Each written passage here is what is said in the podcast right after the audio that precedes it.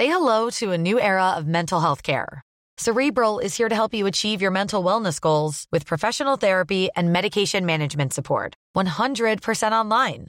You'll experience the all new Cerebral Way, an innovative approach to mental wellness designed around you. You'll get a personalized treatment plan from a therapist, prescriber, or both in a safe and judgment free space. Your cerebral therapist or prescriber will outline a customized plan with clear milestones along the way so you can get to feeling your best. With Cerebral, you're not alone in your mental health journey. We're here to empower you to live a fulfilling life. So take that first step towards a brighter future and sign up today at cerebral.com slash podcast and use code ACasts to get 15% off your first month. Offer only valid on monthly plans. Other exclusions may apply. Offer ends July 31st, 2024. See site for details.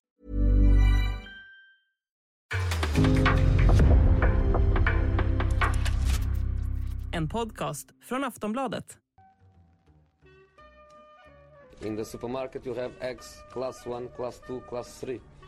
And some are more expensive than others, and some give you better omelets. That's the wrong information. Wrong, wrong, wrong information. I didn't say that. That's the wrong information. Do you think I'm an idiot? Wrong, wrong, wrong information. Now look at me when I talk to you. Your job is to tell the truth.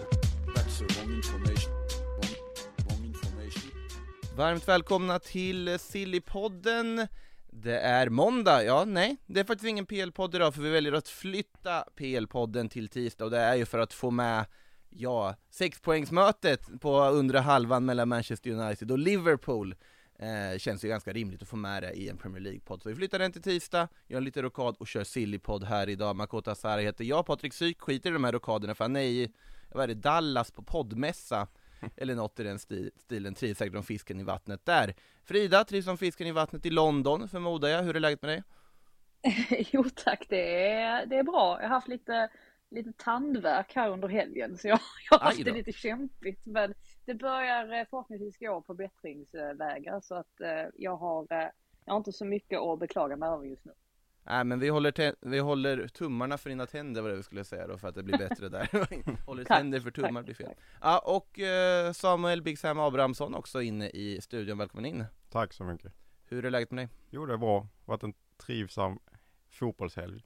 Så det är väl härligt. Du har ju slitit på där som eh, chef för hela bygget här under helgen också så att det var väl Ja, och nu sitter jag här. Det är tvära kast. ja, oavsett, vi hoppar rakt på sak och vi börjar med den brasse tycker jag som har hamnat i Manchester nu, ska få nummer 18 på ryggen läste jag några uppgifter från Spanien om också. Han heter Carlos Enrique Casemiro, andra ord Casemiro, som är klar för Manchester United. Ja Frida, du som är i England, hur har reaktionerna varit där?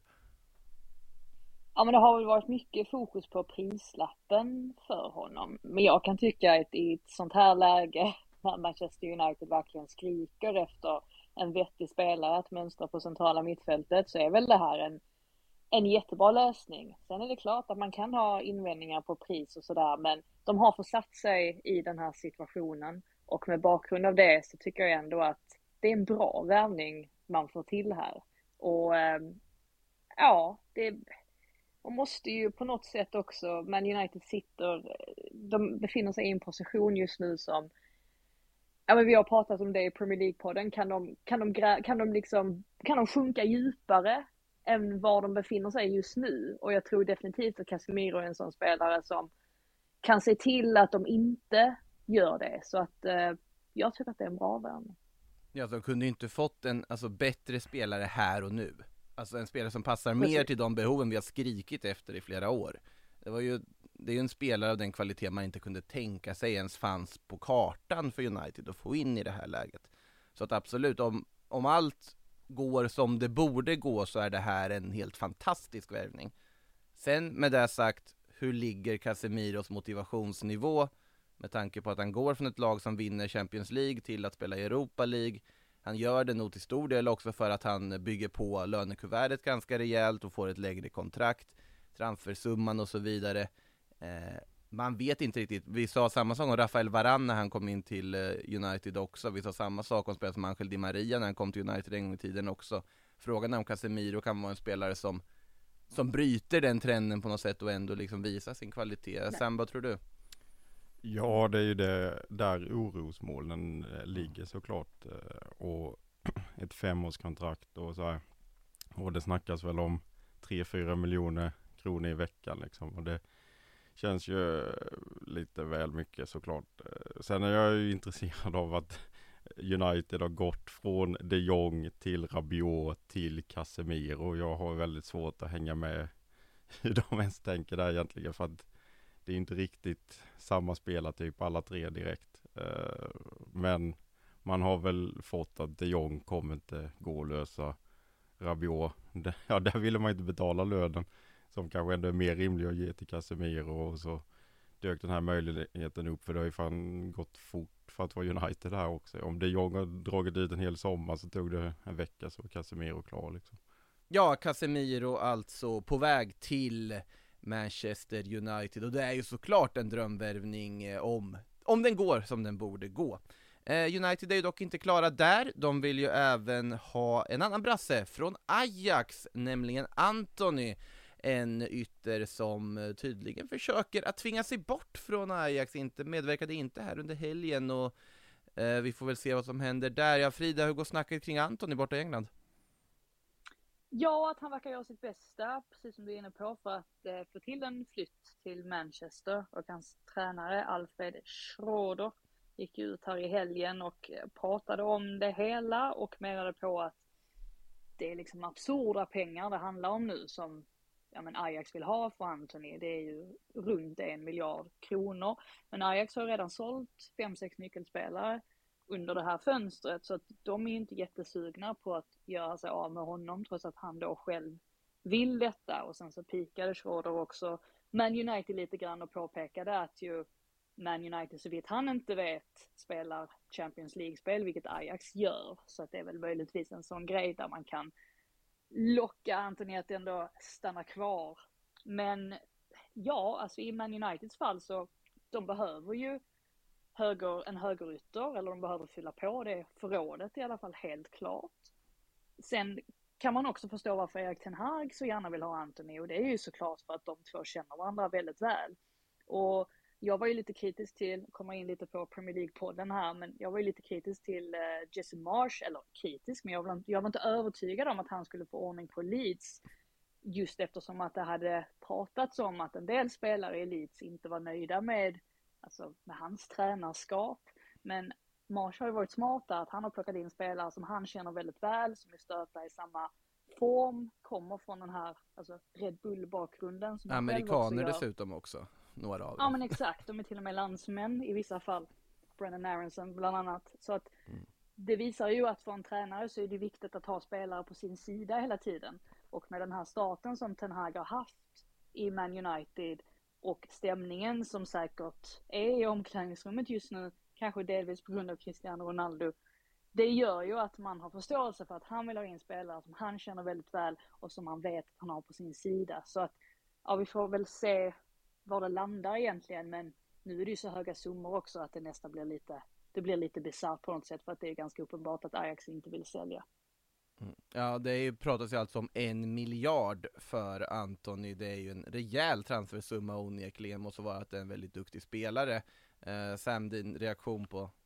Ja, om det har diskuterats att Casemiro var ett överpris, vad Ja, ska man det- säga? Att det här är då, det är väl där jag är lite så här De har ju redan betalat överpris, det har vi pratat många gånger om i den här podden för Lisandro Martinez, just från Ajax också. Och nu så här över 100 miljoner euro som det snackas om. Jag vet inte, jag tycker de har ju liksom ändå Sancho och Elanga och så vidare. Jag kanske inte tycker att man borde lägga 100 miljoner då en sommar till efter att ha gjort det på Sancho förra sommaren liksom. Utan kanske fokusera på lite annat eller hitta någon annan. Det blir ju också den här enorma pressen på honom här nu. Att om han ska komma in så ska han liksom ses som någon slags frälsare nästan när du får den prislappen liksom. Så det är väl det jag tycker känns lite eh, underligt. Men United eh, gör många underliga saker så egentligen borde jag inte vara förvånad.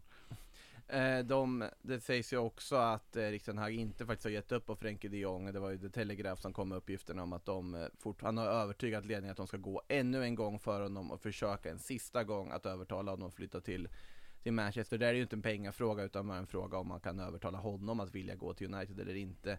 Eh, sen är ju frågan hur mycket pengar har man egentligen att spendera för att om du lägger en miljard hit och en miljard dit då tar ju transferkassan ganska snabbt slut också. Eh, så vi får se vad United ska hitta på. Det är väldigt många namn de kopplas till. Sägs ju att man vill gå för både Anthony och Cody Gakpo också, att de inte utesluter varandra heller.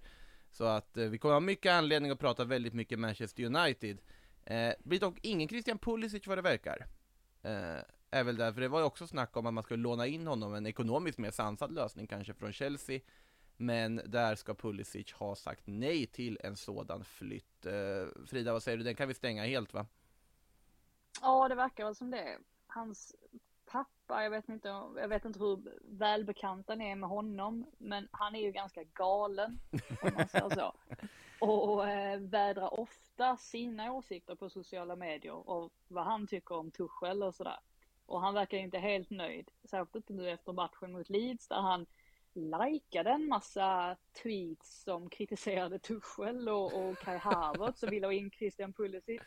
Eh, nu säger jag Christian Pulisic igen. Det är ju mitt, eh, jag kan inte säga Christian Pulisic från hans tid i Tyskland. Jag har blivit så, blivit så påverkad av det. Eh, Men om Christian Pulisic.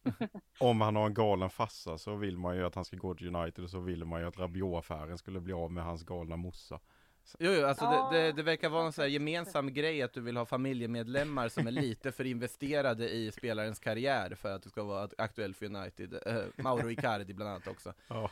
Eh, jag, jag, jag kan tycka i Pulisic-fallet att ja, det finns en bra spelare någonstans i honom. mm.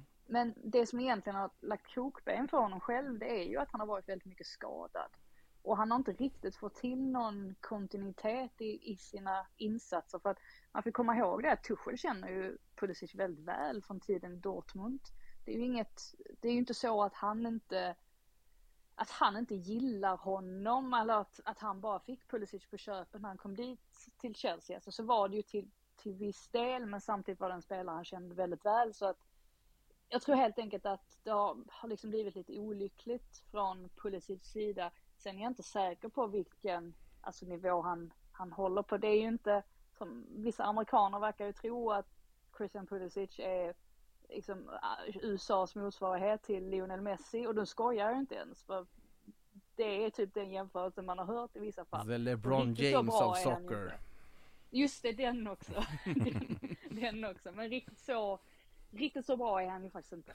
Nej.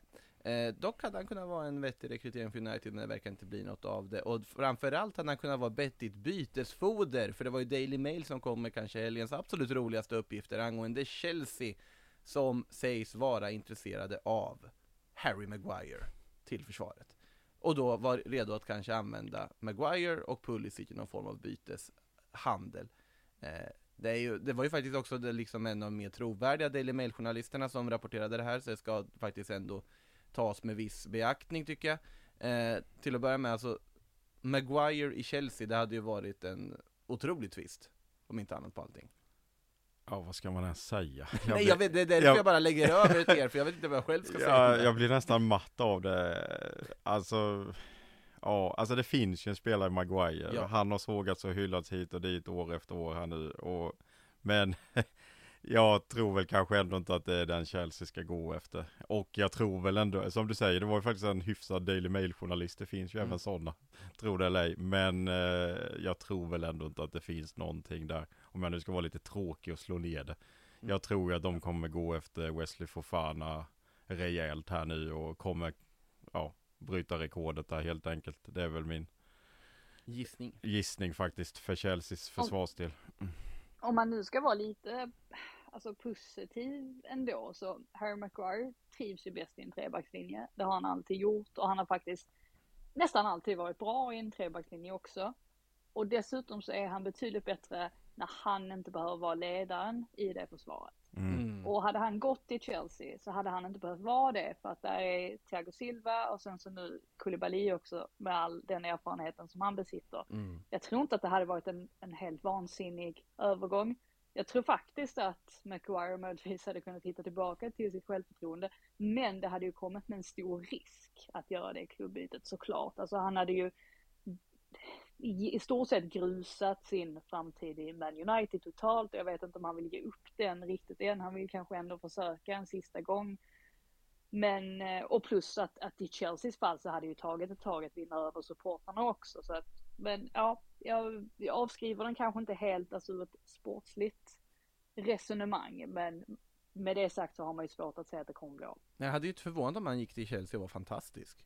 Faktiskt, man hade nästan förväntat sig att han skulle få en uppsving om han skulle gå dit. Eh, Han kan ju inte bli så mycket sämre heller. Nej, nej, det är svårt att inte få ett uppsving i och för sig, det ligger väl mycket i det också. Sen, sen är det ju svårt, och man, man vill ju naivt envist hålla fast vid att det finns en riktigt bra fotbollsspelare där och att det kan bli något. Men det ligger mycket där du säger Frida, att han behöver ju ledarskap bredvid sig och det har han saknat på något sätt. Får jag se om Casemiro kan bidra med det när han kommer in här nu, även om det är en defensiv mittfältare så kanske det bidrar till liksom allmänna stämningen i omklädningsrummet. Eh, Maguire som alltså ska vara kapten för Cristiano Ronaldo, Rafael Varane och Casemiro den här kommande hösten. Bara en sån sak. Eh, Chelsea är ju inte klar, ja som sagt vad fan nämnde, det finns ju ett annat alternativ som också har dykt upp här i form av Webster från Brighton som också ska vara ett, som de inte har eh, förhandlat nog med Brighton den här sommaren, Chelsea, så är även Webster ett eh, backup-alternativ. Eh, duktig mittback, givetvis, men skulle väl säkert kosta jättemycket han också, eller? Ja, det förväntar man ju sig. Och eh, ja, jösses vad de tappar eh, mittbackar egentligen om man tänker där. Ben White och eh, Kukureya som ju kan spela i en trebackslinje. Dan Burn. ja, precis. Den Burn. Shane Duffy. bort. ah, det var väl inte en jätteförlust va, men eh, jag håller ju fast, eller jag vidhåller ju att Louis Dunk är överlägset den viktigaste mittbacken de har. Så att så Mm. länge inte han försvinner så eh, tror jag inte att det är katastrofalt för Brighton. När Webster ändå varit så pass gjuten Mm. i den där startelvan nu att ja, man ska inte förändra alldeles för mycket. Colwill finns ju visserligen på bänken men Mm. nej, jag tror ändå att eh, det kommer nog eh, bli så att Brighton vill behålla honom just för att de som i Ajax-fallet också inte heller vill ändra för mycket och, och förlora alldeles för många nyckelspelare. För Graham Potter är bra, men jag, jag tror väl att han också har en, har viss begränsning någonstans. Brighton dessutom började säsongen alldeles strålande, men det tror jag att vi har med Premier League-podden istället. Eh, Chelsea, om man tittar lite mer offensivt, Pierre-Emerick Aubameyang-ryktena fortsätter ju här, ska ju kommit ett bud på x antal miljoner pund plus Marcos Alonso. Eh, tycker jag väl är ganska rimligt. Barcelona vill dock ha cash straight i och med att man egentligen bara vill sälja för att registrera Jules Koundé. Eh, Jules Koundé som fortfarande inte är registrerad och om, eh, ja vad blir det när fönstret stänger? Om nio dagar eh, så kommer han kunna lämna klubben på fri transfer ifall han inte är registrerad för La Liga-spel, men det kommer han ju hinna bli också. Eh, Ja, inte, Ja, jag såg någonting om att intresset skulle ändå svalnat lite för Alonso nu, skrev någon spansk journalist. Som jag har glömt namnet på, vilket förvånade mig lite ja, det är väl ganska bra för Barcelona, de har ju gett bort så mycket vänsterbackar de skulle kunna använt istället för att eh, Ja. Eh, och sen Aubameyang där som du nämnde, där eh, det har väl lagts något bud och det som sagt har ju nobbats. och Chelsea vill, eh, verkar ju ändå, det, det är ju bara han som ryktas av anfallare egentligen här och nu. Men Barca vill ha 30 miljoner pund och det vill ju inte de ge för en 33-åring. Så att eh, det beror ju på hur desperata Barcelona blir för pengar som det brukar vara. Eh, jag, Och desperata Chelsea är också. Ja Så det är också. primärt Och jag känner ju att det luktar bara desperation när man vill ha en 33-årig Aubameyang faktiskt. Men eh, jag tycker det borde finnas något annat att gå efter. Ja, alltså jag förstår varför det inte pratas mer om Jonathan David i allmänhet. Alltså, Till exempel. till exempel ett annat, annan spelare som hade varit spännande. Och samtidigt så ska man ju flytta på lite spelare också. Emerson Palmieri verkar vara på väg till West Ham, det kan man också notera här. Det hade varit en vänsterback för Barcelona för övrigt, annars, kanske, möjligtvis. Eh, vi går till en annan del av London, till Arsenal, för där uppges man ha under en månad förhandlat med Jorge Mendes, agenten, om Wolves-yttern Pedro Neto. Eh, som ju har kommit tillbaka från skada, inte kanske börjat säsongen alldeles strålande, men vi vet alla vilken kvalitet han, han besitter egentligen i grunden. Eh, skulle ju kunna bidra med någonting till Arsenal, är väl känslan. Vad säger ni om Pedro Neto? Mystery Winger som det har Ja, väl, snackats här ja men nu. det är väl han va? Ja, nu får man väl ändå anta att det är han, även om det snackas lite om Jeremy Pino och Gakpo fortfarande och sådär. Men eh, ja, Wolves har ju även handlat in en ersättare om han skulle försvinna i Guedes, såklart en landsman. Wolves spelade ju med sju eh, portugiser från start i helgen, bland annat. Gör de inte alltid det? Jo, typ. Ja. Men nu var det väl nästan ett Ja, rekord. detta var ju, ja, det, det var det Eh, verkligen. Nej, men Pedro Neto, det skulle ju vara... Åtta var det väl till och med? Ja, det kanske det var. Jo, åtta. Ja, fel av mig. Fel av mig. Nej men eh, eh, Pedro Nieto där det, det, ja han kommer inte bli billig. Det snackas om, eh, det skrev ju också Atletic där att det är en svår affär för Arsenal att lösa här nu för att de har inte hur mycket pengar som helst kvar heller. De har ändå lagt en del i sommar. De får inget för dem de säljer. Nicolas Pepe är ju nära att flytta till Nice. Och det är ju där han behöver flyttas och lönen behöver bort. Men det blir ju ett lån så du får inte en krona för spelare du har lagt 800-900 miljoner för, för några år sedan. Och det är väl där problemet är att Wolves vill ju ha rätt mycket. Sen läste jag någonting att om Arsenal bara kan få till en deal, och det är väl där Mendes blir nyckelpersonen, att de får till en deal där de inte betalar så mycket här och nu utan att det blir en affär för betal- avbetalningar Mm. på flera år framåt. Då kan det gå att lösa. Och ja, Pedro Neto är inte direkt värvad egentligen. Det är rätt mycket för, jag har varit inne på detta innan, det är rätt mycket för en spelare som inte kommer gå direkt in i startelvan. Det är svårt att peta Bukayo Saka, det är ännu svårare att peta Gabriel Martinelli som han har börjat och Gabriel Jesus är opetbar. Så att, eh, Men det är just att du måste ju ha backup också. ja, precis. Och det kommer ju bli ett hål där nu ju, när Pepe Ja, ska, lämnar. ja, ska precis. Ska man ta de här sista stegen upp och slåss om ligatiteln så måste man ju ha bredd i Mm. truppen. Det är ju det Man City har gjort så himla fantastiskt de senaste åren att de verkligen har byggt ihop en trupp med alla sina pengar då såklart och eh, lyckats få till en, en truppbredd som är, är väldigt, väldigt svår att slå. I Pedonetos fall så, nej, han var inte speciellt bra mot, mot Tottenham egentligen nu i helgen, men det man kan säga eller tillägga där bara är väl att han är ju ett jättestort Arsenal-fan och har varit sedan barnsben. Det kan ju möjligtvis spela in också då att han själv vill få till en, en övergång och vara en del av Arsenal bara. Men eh, ja, det återstår väl att se hur det, hur det blir. Alltså om man tittar på det man, alltså Artetas vision för det här Arsenal känns ju som att de är långt ifrån klara med sina övergångar överhuvudtaget. Även om det inte skulle ske så mycket mer i sommar så kommer de säkert fortsätta pusha i vinter och sen säsongen efter. Vet jag tittade igenom med All or Nothing Arsenal här nu och där konstaterar ju han att ja, men, vi ska ha, behöver en trupp på liksom 22 högoktaniga spelare. Eh, Det har de väl kanske inte riktigt än, eller 22-25, men man ska ha en City-trupp, en Liverpool-trupp, det är det som är målsättningen och då behöver man värva och, och bygga och det kommer ta tid och då ingår väl Pedro Neto i en sån ekvation att även om man inte kommer att ta en startelverplats direkt så är det en spelare som på sikt kan slå sig in, som bygger konkurrensen, som också pushar de som startar nu att verkligen hålla uppe nivån. Och kan väl även nämna då att eh, det kom nya uppgifter sent i natt från Belgien tror jag ändå som, om Jure Tielemans. Eh, att det, Arsenal har ju verkligen inte gett upp honom och så här. Det handlar mest bara om att man vill få ner priset så mycket som möjligt. Eh, och han spelar inte heller från start i helgen. Rodgers sa att han hade inte huvudet på rätt plats för att spela. Han hoppade visserligen in men jag tror inte man ska utesluta den heller fortfarande till Arsenal under de sista dagarna här nu. Eh, nej, vi får se, Arsenal alltså fortfarande öppna ögon inför slutet av det här transferfönstret. Eh, ska förvarna, det kommer bli mycket Premier League idag, måste ju passa på, både på vi ligger på Premier League-poddslotten och för att Frida är med oss här också. Men vi ska hoppa lite kort till Milano, för att där så har Inter tackat nej till ännu ett PSG-bud på Milan Skriniar, och därefter har de också gjort klart att Milan Skriniar är inte längre på transfermarknaden, han kommer inte säljas. Eh, och det är väl ett otroligt rimligt besked med tanke på att de har inte lyckats värva Gleison Bremer och med tanke på att Nikola Milenkovic har förlängt med Fiorentina.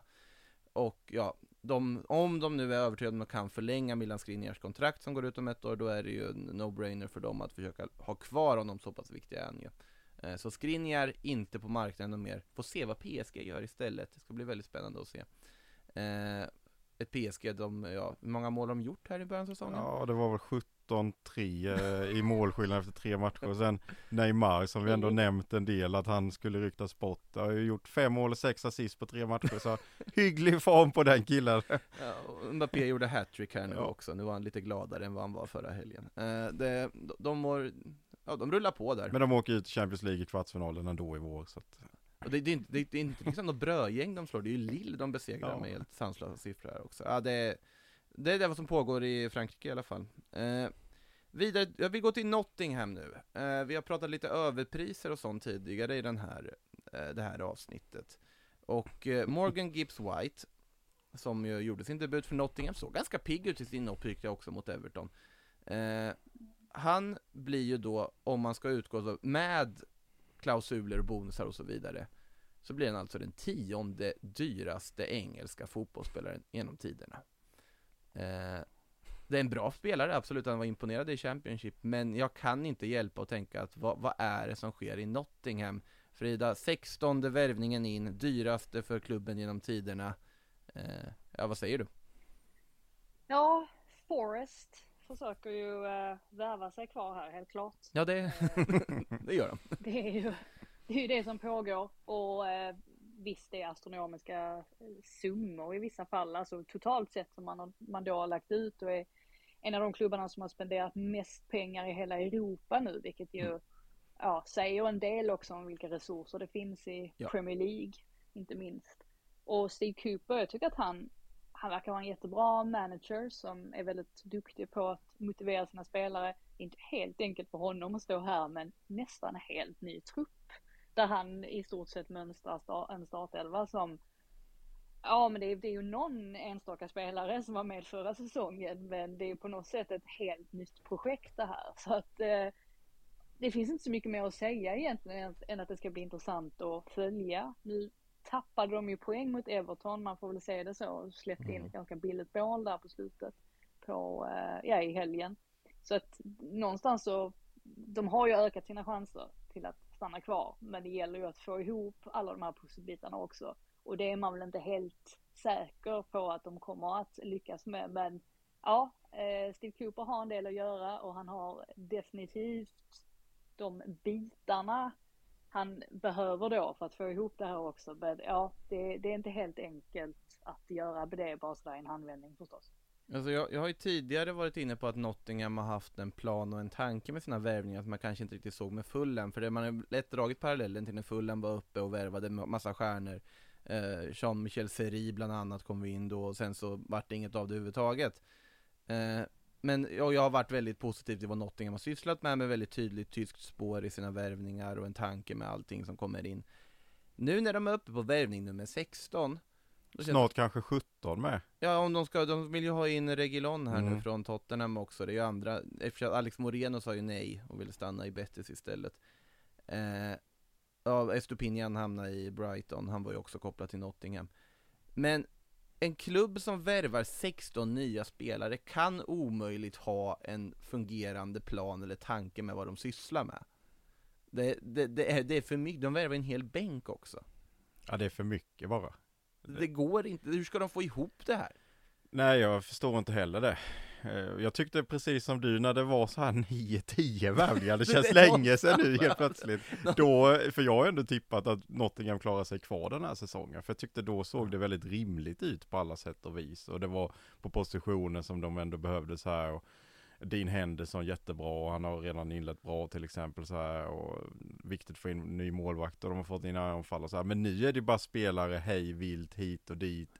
Finns det ens en tanke De behöver ju fortfarande en mittback till.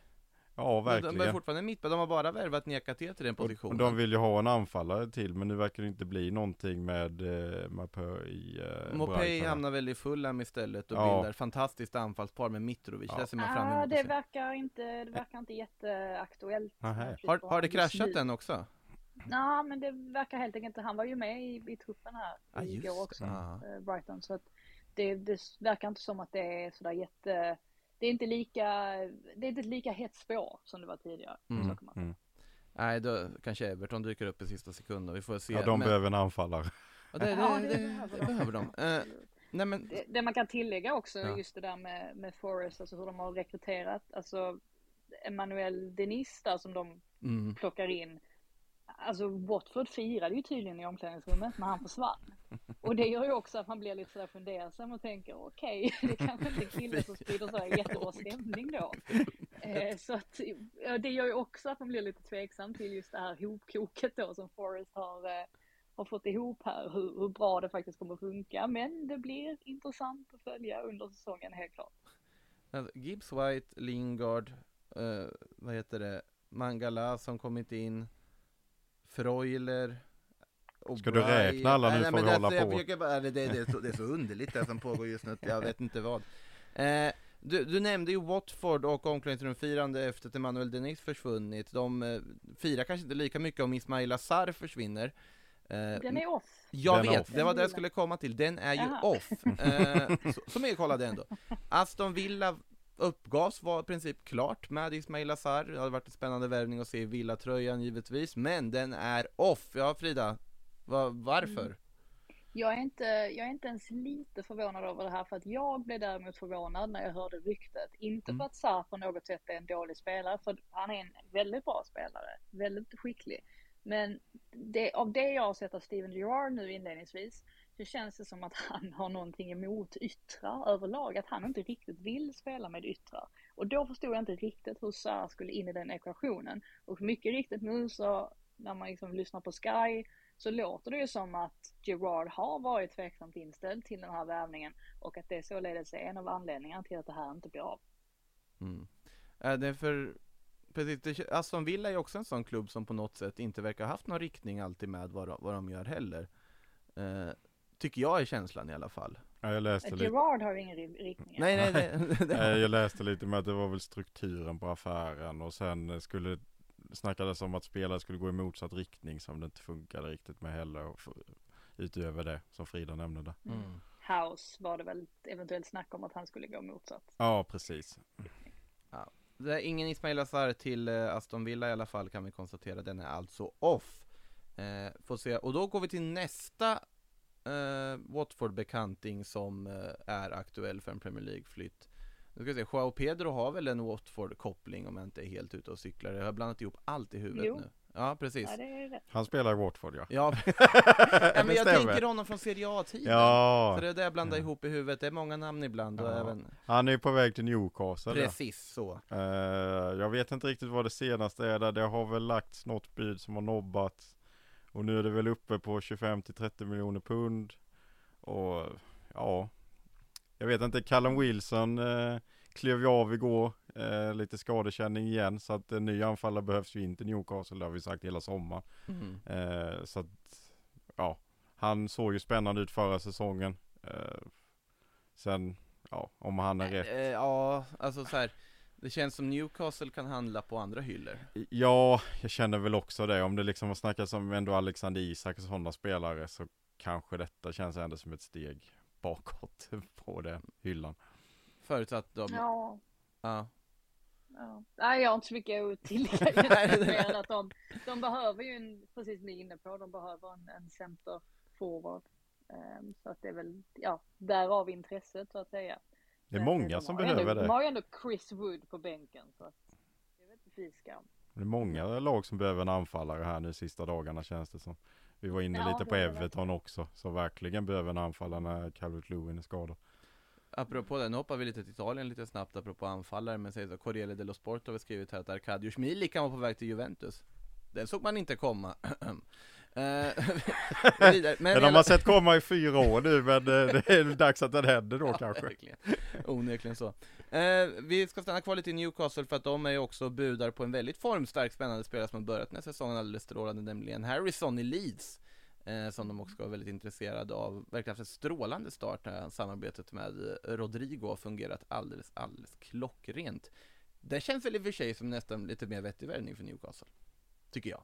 Verkligen. Mm. Det känns eh, verkligen kompatibelt, alltså precis rätt nivå för Newcastle. Just det här med att de inte vill, de vill ju inte splasha ut en massa pengar bara så här hej vilt på, ja, nu har de aldrig fått Kylian Mbappé men ni förstår vad jag menar. De vill ju ändå liksom på något sätt, trots att de är världens rikaste klubb nu så vill, de ju ändå få in spelare som Ja men som man faktiskt kan se i Newcastle som känns vettiga och det har väl Jack Harrison absolut en sån. Men grejen är ju att Leeds kommer inte vilja sälja honom. Så enkelt är det. Så bred trupp har inte Leeds heller att de kan kosta på sig att göra det. Men för rätt pris så kan väl i och för sig alla säljas och sen vet man inte riktigt var Harrison själv står i det hela heller så att ja, det, Det känns som det väl Newcastle Ja. får många bud nobbade här nu. Det Pedro, det var ju Ja, Madison. det är de vana vid. Har de fått ett år nu? Ja, det var Madison och nu är det Harrison. Det, de får inte in riktigt vad de vill ha ändå.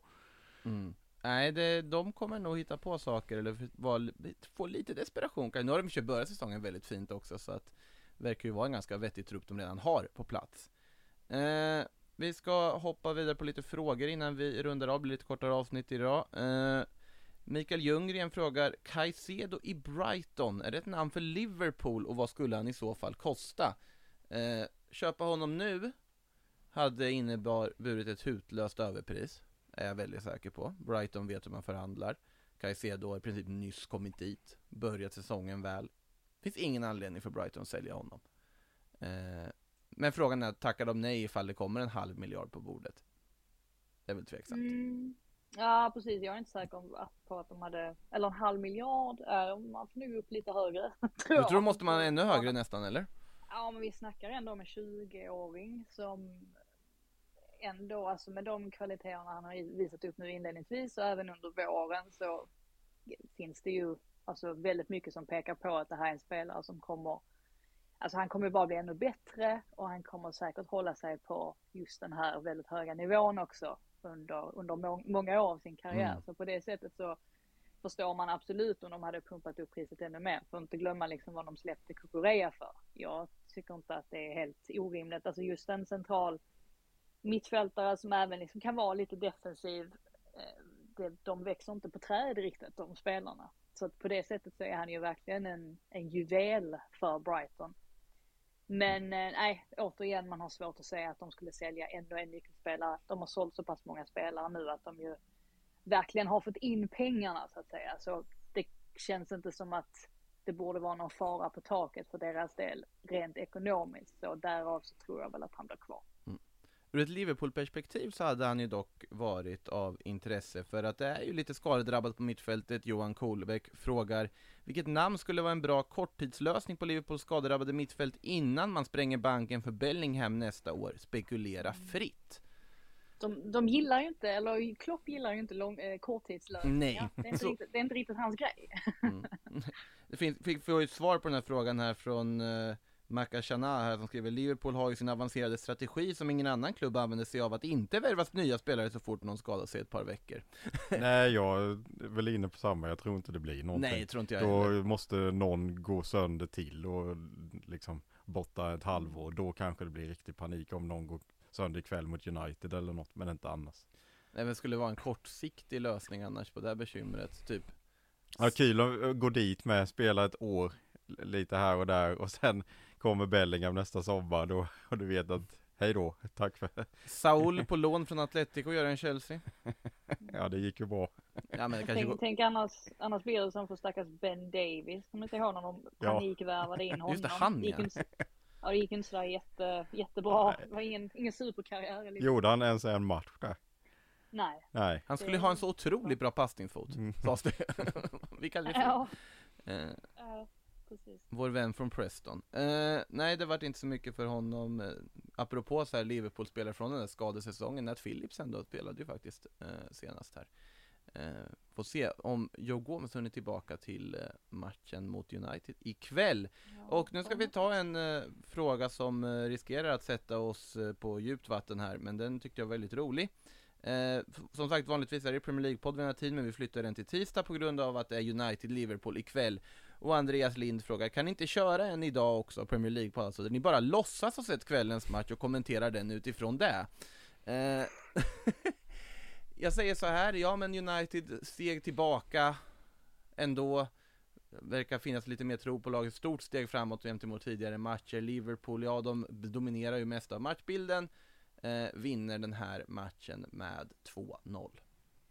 Ja, eh, en del verkar ju helt övertygade om att det blir 0-5 igen som Mm. det blev eh, förra hösten. Jag är inte, eh, jag tror ju inte det. Jag är lite som du att Alltså jag skulle inte bli förvånad om till och med United tar en poäng helt plötsligt från ingenstans här nu.